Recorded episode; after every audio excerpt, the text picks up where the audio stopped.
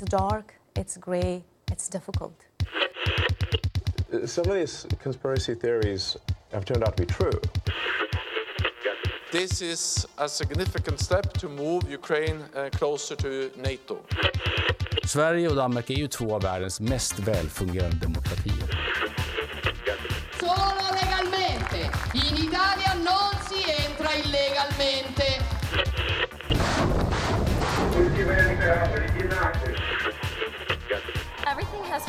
Place. I feel really good about where I am right now.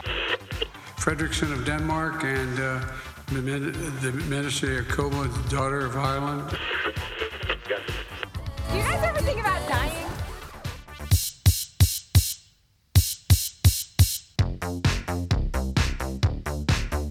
Kostningaeftirlit, líðræðið og stórstjörnur fótboltans sem sátar sópa til sín verða til umfjöldunar í heimskuðum í dag. Ég heiti Bjarni Pétur Jónsson.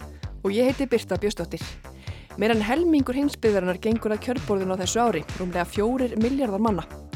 En þrátt fyrir það á líðræðið mjög undir högg að sækja og því að við ekki gert nóg til að tryggja frjálsar og sangjarnar kostningar. Já, við ætlum að kynna okkur kostningaeftirlit í setni hluta þáttarins og reyna að komast að því hvernig það er tryggt að líðræðið virki. En við ætlum að byrja í Sáti-Arabíu. Já, yfirvöldi einræðisríkinu Sáti-Arabíu eru sökuð um íþróttaþvætti sem er íslenska útgáfana orðinu sportswashing. Það geraði með því að setja fjármunni í íþróttir víða um heim til að bæta ímynd sína. Þetta hefur víða hefnast vel frá þeirra sjónurhóli. Eitt dæmi um þetta er að síðasta sumar komi margir af bestu knatsbytumennum heims í liði í Sáti-Arabísku deildinni gegn heiminháum launum. Og þessi tilraun sátana vilist ekki ganga vel, það er farið að bera á ósætti og nokkri leikmenn farnir aftur frá Sáti Arabíu. Hallgrimur Indriðarsson skoðar ástæðunar fyrir því og hvaða áhrif það hefur. Aguero!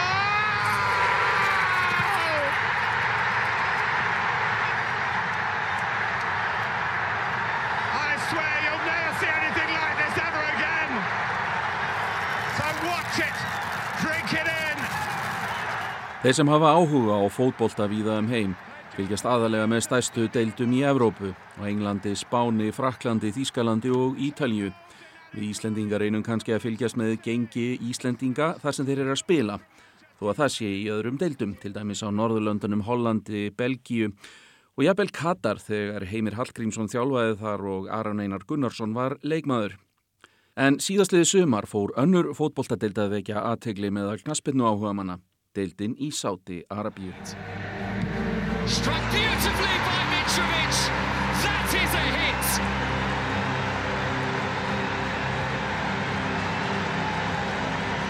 That is why Al Hilal have signed him. Þar hafði verið starfrækt atvinnumannadeild frá árinu 1976 en deildin tók á sig núverandi mynd árið 2008 eftir að nokkrar kerfisbreytingar höfðu átt sér stað.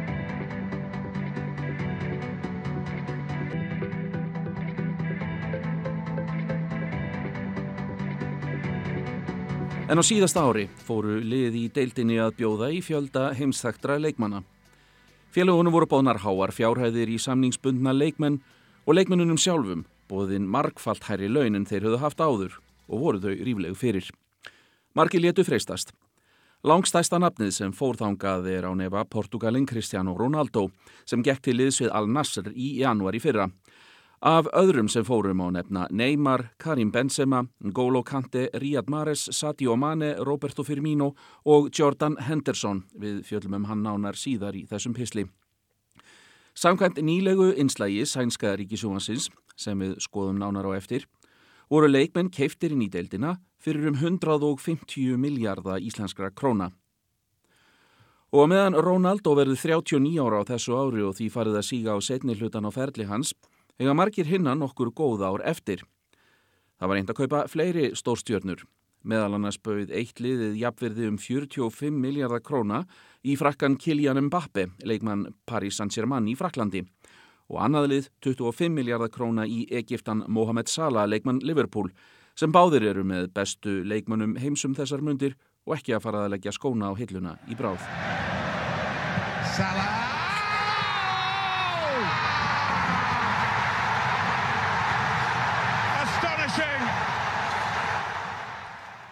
En hvers vegna var þessi breyting á þessum tíma? Til að skýra það þarf að skoða samfélagið í Sáti Arabíu. Það er rauninni bara eðli þessa samfélags, hverjir ráða og hverjir geta tekið ákvarðanur um slíkt. Þetta er Björn Berg Gunnarsson, fjármálaráðgefi og sérfræðingur í fjármálum í Íþróttum. Fótboltinn, íþróttir, menning og annað er leikvöllur þeirra sem stjórna í Sáti Arabíu. Þetta eru þetta einræðisríki og þau hafa mörg hægða sér með þeim hætti eh, að, að, að það er komin reynsla, þau eru farin að sjá reynslu annara einræðisríki á því að nýta sér íþróttir til þess bæði að að, að lifta þess upp sínu orðspóri og, og alþjóðlega en ekki síst til þess að friða heimamenn.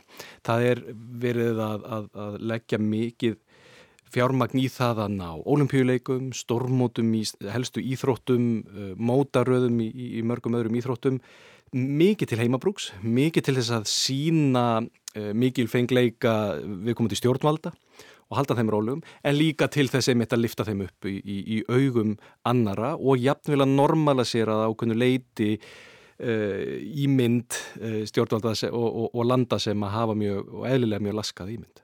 Mannrettindi eru ekki í hávegum höfði í Sáti Arabíu.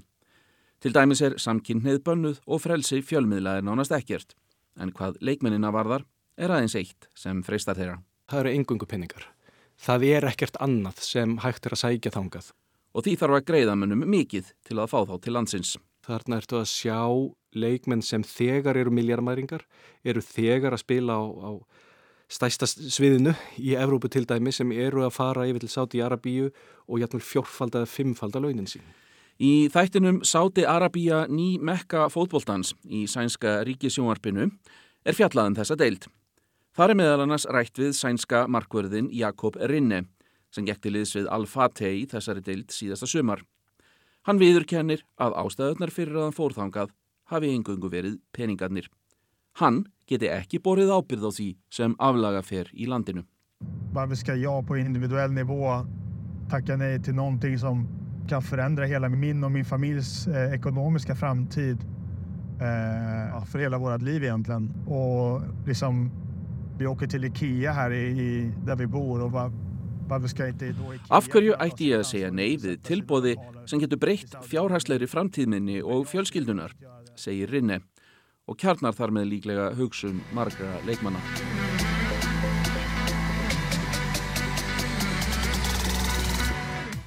Stóra breytingin innan sáti arabísku knaspinnunar í fyrra var að ofinber fjárfestingasjóður landsins, PEF, tók yfir 75% hlut í fjórum liðum í deildinni, Al-Ali, Al-Ittihad, Al-Hilal og Al-Nassar. Þessi sami sjóður keifti enska knaspinnulegið Newcastle sem var umdelt og setti á stofn livmótaröðina í golfi til höfuðs PGA mótaröðinni um það síðastnemda fjallaði Bjarni Pétur Jónsson í heimskviðum síðasta vetur. Og frá árinu 2022 hefur aðal styrtaræðili þessara deildar verið Rosn sem er fastegna armur PEF. Breskablaði Guardian greindi frá því síðasta sömar, eftir að flestir framangreindra leikmanna höfðu verið keiftir, að PEF hefði frá árinu 2021 eitt ríflega 6 miljörðum bandaríkjadala í íþróttasamninga. Þetta væri meira en fjórfald það sem sjóðurinn hefði sett í íþróttir síðustu 6 ár á undan. Þetta hefur verið kallað íþróttaþvætti eða sportswashing í mörgum vestrænum fjölmiðlum. Sem sagt, að dæla fjármagni í stórar íþróttir á heimsvísu til að beina aðdeglinni frá þeim mannrettindabrótum sem þar eru framinn og bæta ímynd sína. En hvað sem þessu líður virtist tímabilið í Sáti Arabíu fara ákjallega á stað. Nýju mennir glöttu áhangandur sinna liða.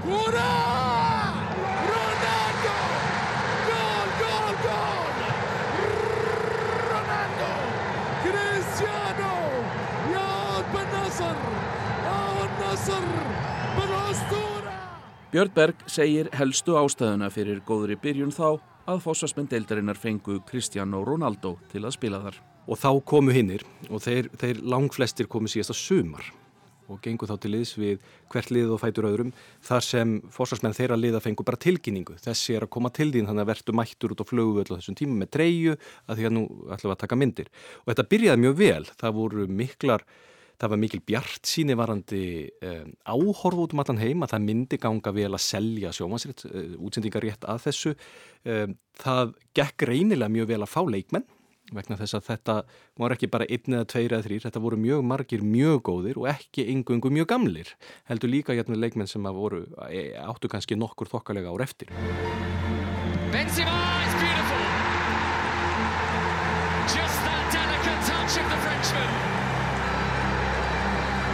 Svo sáum sá við myndir af þessu og það var ágætis mæting á vellina. Þetta hefur margt breyst. Það gengur ekkert að selja útsendingaréttin af þessu. Það mætir enginn á vellin eða mæting hefur vakið mikla aðtegli þegar hún hefur verið mjög döpur og e, það hefur frá fyrstu mínútu verið vart við það að það sé hundlegilegt að vera þannig. Að það sé upplifun leikmanna og það er svolítið nýtt vegna þess að e, sátar er ekkert fyrstir í þessu.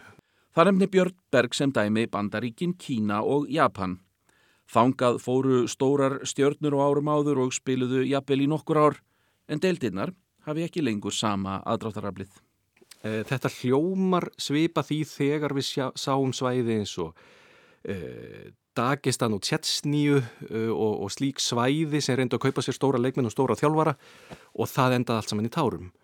Eh, í Sáti Arabíu að þá, þá hefur hafa leikmenn skrifað undir samninga sem er ekki óæðilegt og áalgengt að sé gert í íþróttum þar sem að er mjög takmarka hver, hvað er meiga tjá sig en þetta spyrst út. Og þessi leikmenn eiga vini og eiga fjölskyldur sem eru síðan að láta aðra vita sem leika þessi fjölmila á Vesturlöndum. Og við höfum heyrt þetta frá fyrstu mínútu að þeir séu margir mjög vansælir. En það er ekki fyrir núna sem við sjáum fyrsta mannin uh, raunverulega fórna ákafla miklu til þess að, að koma sér það með fyrstu flugvel. Hér er Björn Berg að tala um englendingin Jordan Henderson. Hann var fyrirliði enska úrvalstildaliðsins Liverpool og sá fyrsti til að lifta enska meistaratitlinum sem slíkur í 30 ár þegar titillin vannst árið 2020. Jordan Henderson, the Liverpool Football Club captain, champions again! Það sem gerði brottför hans til Al-Ettifaq sérstaklega óvænta var að Henderson var mikill baróttumadur fyrir réttindum hins einn fólks en ákvaða að fara til lands, það sem er réttindi þess eru engin. Því þótti hann hafa gengið full langt í að yfirgefa prinsipin fyrir peninga. Henderson sagðist hins vegar, þegar hann fór, vilja lifta upp knaspinnunni í landinu. Liði hans gekk ítla, meðal aðsóknin að leikjum hjá þeim var um 8.000 áhörvendur á velli sem tók 30.000 manns, heldur verri stemning en að nátti að venjast á Anfield heimavelli Liverpool. Hann fekk að rifta samningi sínum og gekk til þess við hollenska félagið Ajax í Amsterdam fyrir í mánuðinum. Og þetta er eh, sennilega skrítnasti samningur á sem tengist því að, að leikmaður losasundi samningi sem við höfum séð vegna þess að hann er kiftur til Sáti-Arabi á sínum tíma á, á umtalsverða fjármunni eh, eitthvað um 800 miljónir króna held ég að tala um. Eh, hann á síðan að fá greitt í kringu 350.000 pund á viku sem, ef við setjum það í eitthvað sammingi, fyrir tíu árum hefði gert hann launaðista leikmann í heiminum.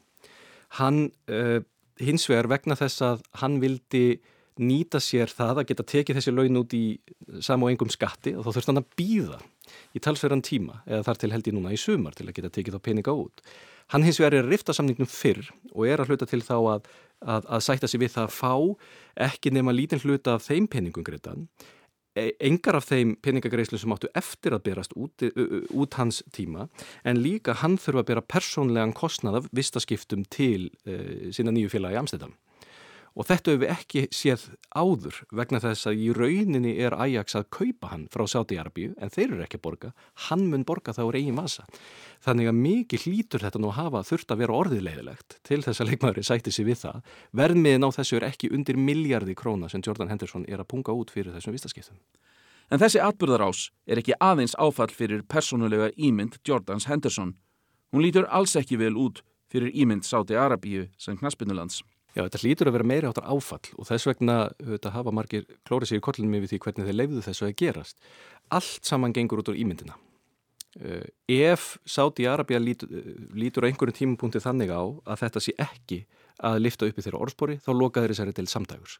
Það er engin annar tilgangur, það er engin önnur ástæða en engungu ímyndin og þegar fer að falla á hana með þessum hætti og þegar ljósmyndir skila sér af 500-600 manns í stúkunni þá, þá auðvitað slægir á þetta heldur betur. Á móti bendir Björn Berg á að Jordan Henderson er alls ekki stæsta nafnið í þessari deild. Þar trónir enn Cristiano Ronaldo. Og hann hefur nú bara uh, svona hertsi svolítið í sinni vörn. Hann hefur farið alla þessa, þessa leið til Sáti Arabíu ekki bara til þess að spila fókbólta heldur til þess að verja þarna deildina með kæftu og klóm og lítur á sjálfansins sem, sem fulltrúa þessara deildar.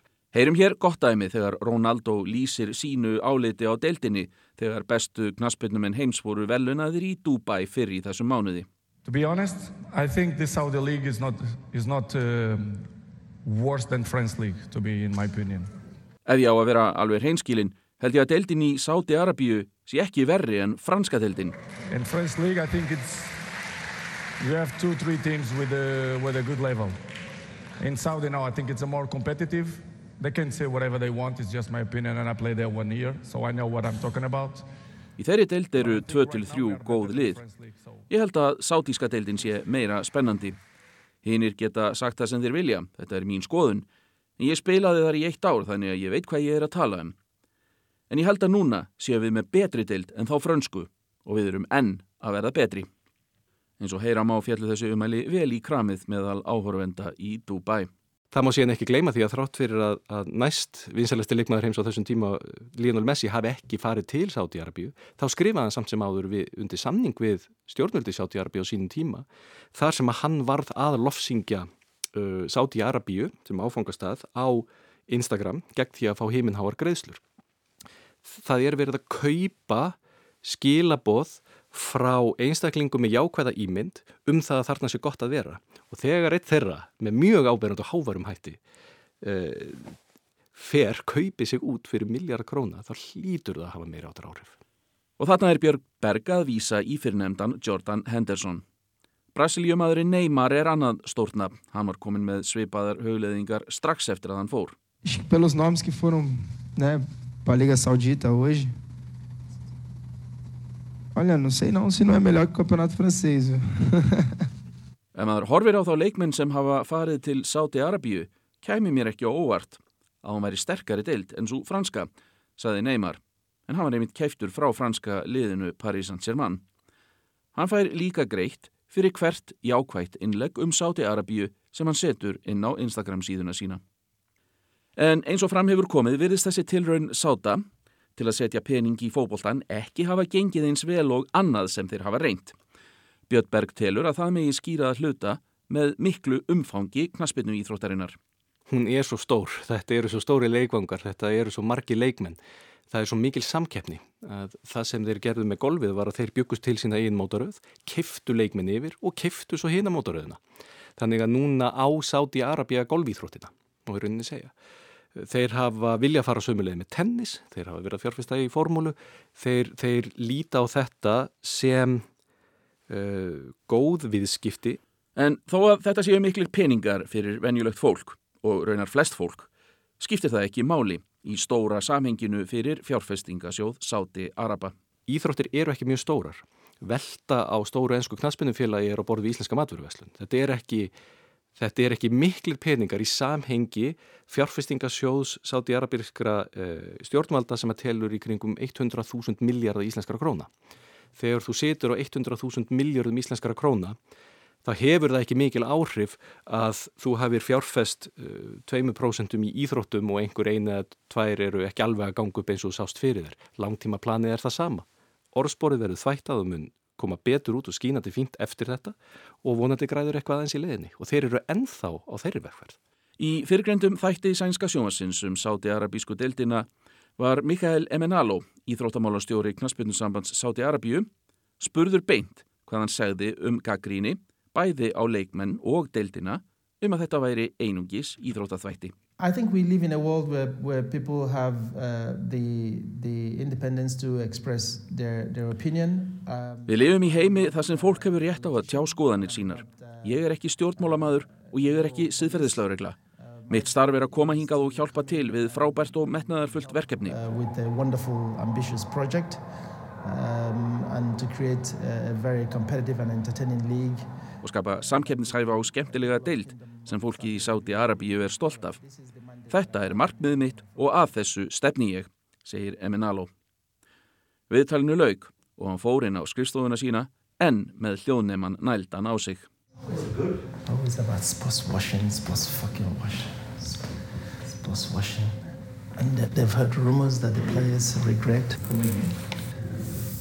Hann bölvar hér endalausum spurningum um íþróttaþvætti og orður om þess efnis að leikmenn sjáu eftir því að hafa komið til landsins. Svo vil til að í sömu vikunni saði AFP fréttastofan fregnir af slíkum tilfinningum hjá Karim Benzema, einu af stóru nöfnunum sem fórþangað síðasta sömar. Hann hefði talað um og honum finnist hann undir ofmikilli pressu hjá félagi sínu Al-Ittihad og vildi tímabundið vera lánaður annað. Hann hefði lengt í hörkur yfirildi við þjálfara sinna og fundi og æft einn undanfarið eftir að hafa mætt 17 dögum of seinta á æfingar eftir vetrarfrí. Dægin eftir að fréttin byrtist neytaði Benzema því í viðtali að hann væri á förum frá Sáti Arabíu. Hvað var þar framhaldið í fótboltanum í Sáti Arabíu segir Björn Berg að fátt geti komið í veg fyrir að Sáti Arabíu haldi heimsmeistaramótið í fótbolta árið 2034 eins og þeir stefni að. Og ef stórunöfnin halda sér í deildinni, býst hann ekki við miklum langtíma áhrifum af þessu bakslægi, einfallega vegna þess að þetta er alltaf freistandi fyrir leikmenn sem eru á setni hluta ferilsins. Við verum að muna það að, að strákur sem er 29-30 ára og er góður í fókbólta, hann veit að hann á kannski hámarki einn góðan samning eftir á æfisinni, svo þarf, er hann farin á eftirlaun 33-4 ára og þarf að lifa út æfin á öll hans fjölskylda á því sem hann aðeins sapna sér hinga til. Hann er búin að eigða hellinga þessu í bíla og, og villisu, þannig að það er síðasti samningur sem skiptir svo miklu máli. Hvort honum e, eru bóðnar... E, 50 miljónur króna á mánuði eða 300 miljónur króna á mánuði hefur það mikið að segja að þessi stráka munu halda áfram að fara þangað.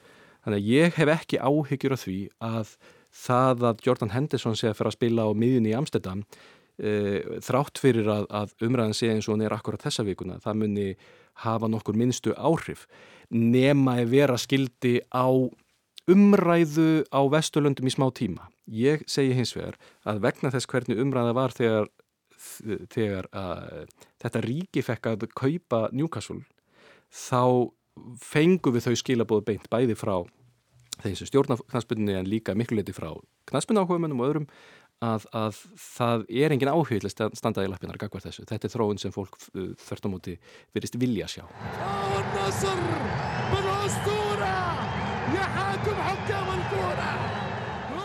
Kjördagur er bara toppurinn á Ísjaganum fyrir þau sem fylgjast með og hafa eftirlit með kostningum í aðildaríkjum ÖSE, Öryggis og Samfunnustofnunar Evrópu. Þetta eru þau samála um Yngibjörg Sólún Gísladóttir fyrir um yfirmaður hjá ÖSE og Albert Jónsson fyrir um sendihera. Undanfarn ár hafa þau bæði leitt hópa sérfræðinga sem aðildaríki samtakana hafa búið að koma og meta undirbúning og framkvæmt kostninga og ekki síður hvort stjórnvöldi viðkomandi ríki sjáu til þess að stjórnmálaflokkar hafi jöfn tækifæri til að koma sínum málstað á framfæri. Hvort kjósendur hafi fossendur til að taka upplýsta ákverðin eða með öðrum orðum hvort líðræðið virkar. Björn Malmqvist tekur nú við. Það ennumlega stundum talaði um líðræði sé á undanhaldi í ríkjum viða um heim. Maður sér þetta í rannsóknum sem stopnarnir og hugveitir á þessu sviði gefa út með reglulegu millibili. Í frétt sem byrtist á vef fréttastofu Rúfi november var til að mynda greint frá niðurstöðu alþjóðlegar stopnar í Stokkólmi um að líðræði virtist vera á fallandi fæti í næstum helmingi ríkja heims. Í sambærilegri aðtögun stopnunar sem tengist breska tímaritinu Economist eru aðeins 24 ríki metin sem fullburða líðræðisríki með aðeins 8% af íbúafjölda heimsins. Á hinbóin falla 59 ríki undir skilgrinninguna einræðis eða harstjórnarríki og þar búa hátt í 40% jarðabúa.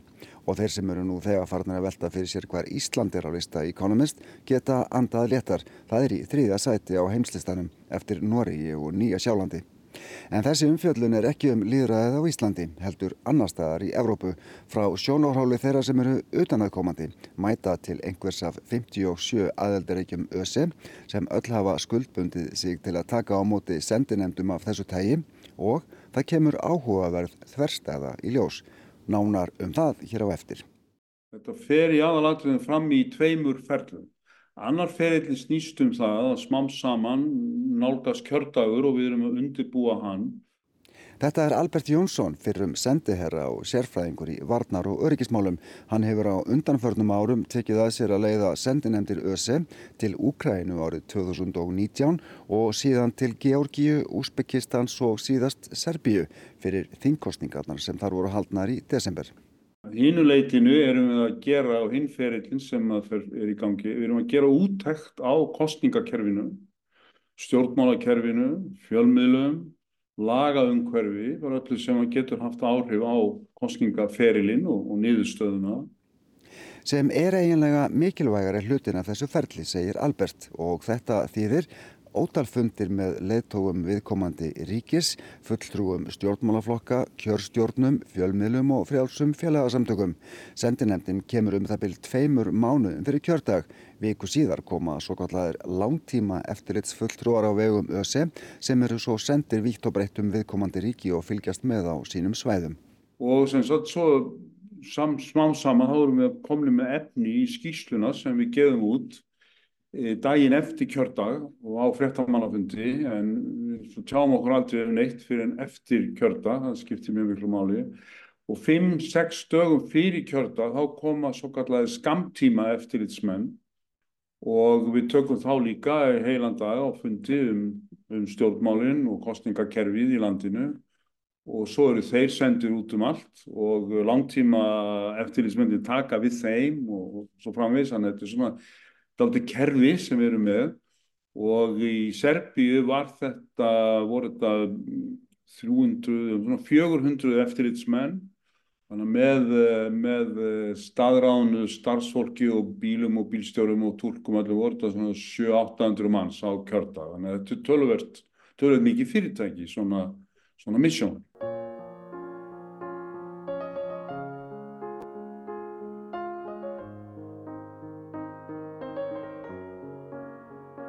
Þetta er svona ákveðin aðferðafræði sem hefur verið þróið eftir 1990 og það, þetta var svona stór hluti af verkefni uh, líðræðis og mannreitnindastofnunarinnar að, að fylgjast með kostningum og, og aðstóða ríki við að koma á líðræðislegum kostningum.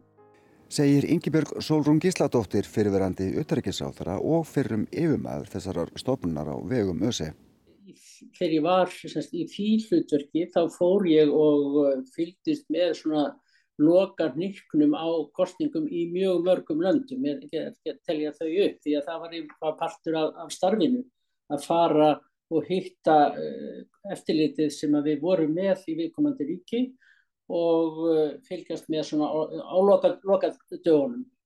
Uh, en ég hef síðan líka verið yfirmaður eftirlits í uh, Úkrænu þegar sveitasöndagkostningarna voru í Úkrænu 2020 og svo í Slovakíu á, á síðasta ári þingkostningarnar í, í Slovakíu.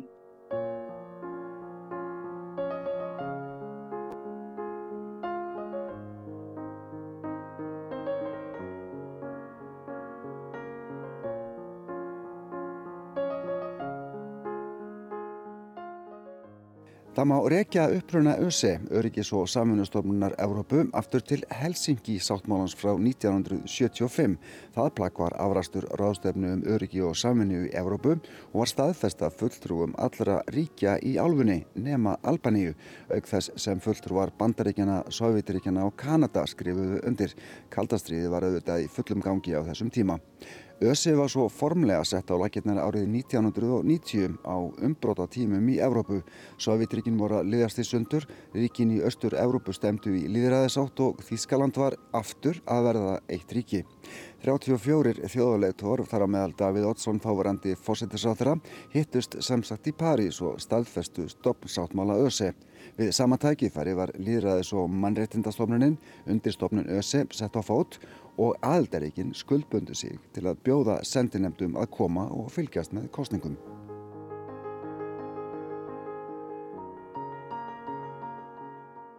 Og það var auðvitað í byrjun eftir 1990, þá var bara kostningalöggjöfin sem var mjög ófullburða, allt stjórnsýslar í kringum líðræðslega kostningar e, og bara framkvæmdinn almennt sem var í svona sköturíki og, og það var stórt hlutverk að aðstofa ríkjum við að, að koma á öllu því, þeim struktúr sem þurfti í kringum líraðastöða kostningar. Uh, og síðan að, að hafa eftirlit með því hvernig framkvæmdinn uh, fór fram og þarna fyrst eftir 1990 þá voru þetta mjög mikið verið að horfa á kjördaginn sjálfan það er að segja hvernig voru, voru kjörstæði skipulaði, hvernig fór kostningi fram, var hún leynileg var, var allt til staða sem þurfti að vera til staða og það voru þetta mísbrestur á því.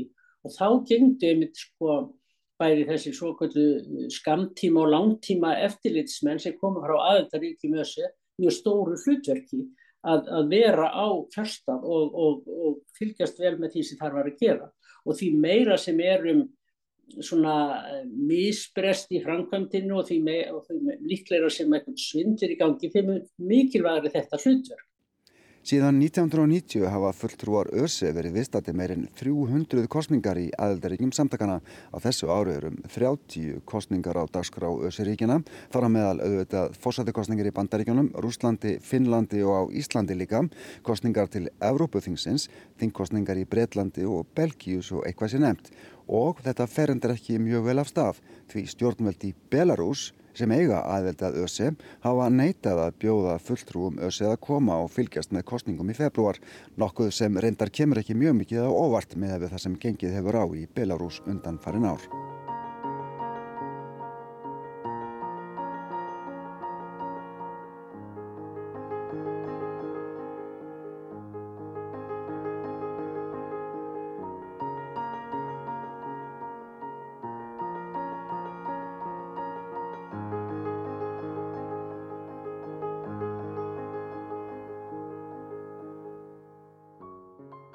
Hlutverka kostningaeftilits ÖSE var í upphafið að aðstóða nýfrjálsríki við að koma á gegnsæju og réttlátu kostningakerfi og stiðja þannig við þróun líðræðis. En þetta eftirlit hefur þróast í árana rás, segir Ingi-Björg Solrún. En það sem að, að eh, hefur þá aftur breyst og hlutverki þar að leiðandi eftirlitsins líka er að skoða það sem gerist fyrir kjörta. Það er að segja kannski í eh, kostningabarátunum og hvern, hver, hvernig aðstæðan er til þess að, að heia kostningabaróti.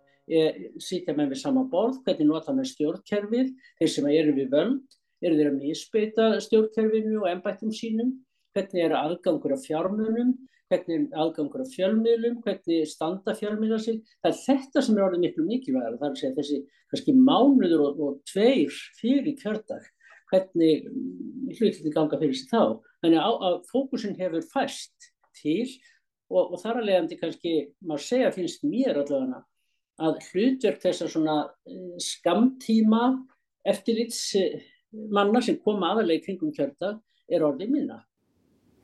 Og nákvæmlega þetta var áherslan hjá hópnum sem fyldist með kostningunum í Serbíu í desember og kom ljóslega fram þegar Albert og aðrir sem leittuðu þetta eftirlit tjáðu sig eftir kostningarnar.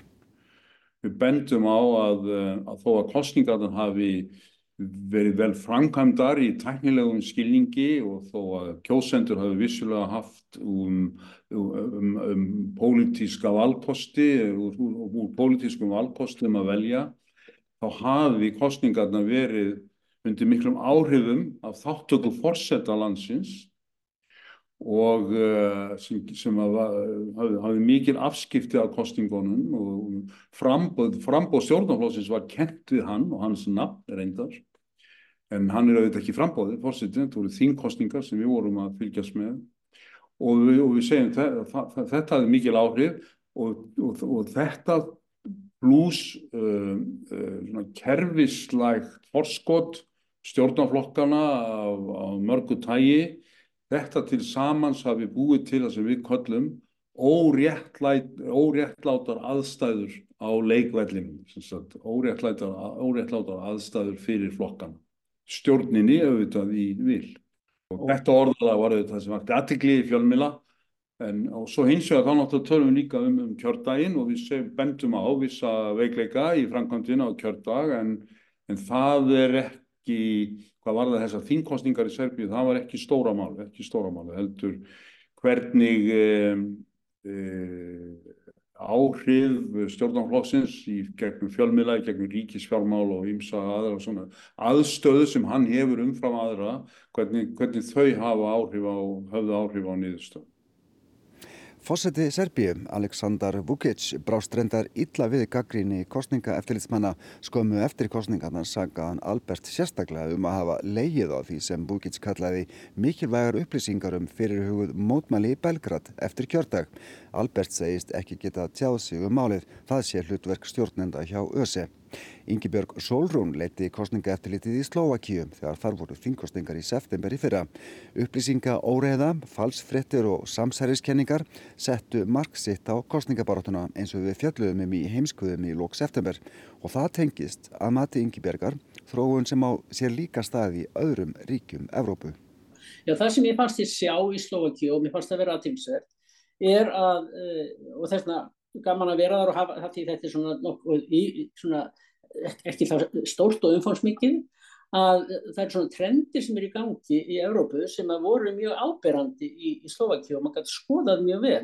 Eitt af því er að, að, að baráttan er að flytjast mjög mikið af fyrir um ofinbæra vettvangi og úr ofinbæra miðlunum, fjármiðlunum yfir á samfélagsmiðlana og þar eru menn einhvern veginn í bara svona aflókuðum bóksum, þar sé að það er hver og einn með svona sína áfangendur inn í þessum samfélagsmiðlum og þeir tala saman bara inn í þessu bóksi, er svo má segja, en, en það er ekki einhvern samtal á, á milli, sem sagt, hvað sé, yfir, yfir línur, yfir átakalínur. Það, það samtal er ekki til staðar og menn mæti ekki einu sinni. Það var það sem að sjá, sko, þeir leggja svo lítið upp úr hinnum hefbundnu aðferðum og hinnum hefbundnu fjármiðlum að þeir taka ekki eins og þátt í svona debatt í fjármiðlum fyrir kjördag, svona formanna umræðu. Þeir bara, þeir, þeir sjá ekki að þeir hafi neitt haga því að mæta það, þeir eru bara að tala við þá sem að þeir telja að það sé svona, hafi e, mótökurskilinni fyrir því sem þeir eru að segja inn í, í, í, í samfélagsmiðlunum. Og þetta fannst mér vera, sko, kannski það sem ég vart vera mest ábyrrandi í þessu. Og svo er það hitt sem er líka orðið mjög ábyrrandi og það er að umræðan er orðið svo hatrum þetta er orðið svo svona ákveð eitrað andrumsloft í kringum, kringum pólitíkinu, það er svo mikil er svo mikil skautun í, í pólitíkinni. Og, og aftur þetta það er einhvern veginn engin uh, samtalsgrundvöldur á milli, milli flokka og stjórnmálamanna sem eru í, í anstæðum fylkingum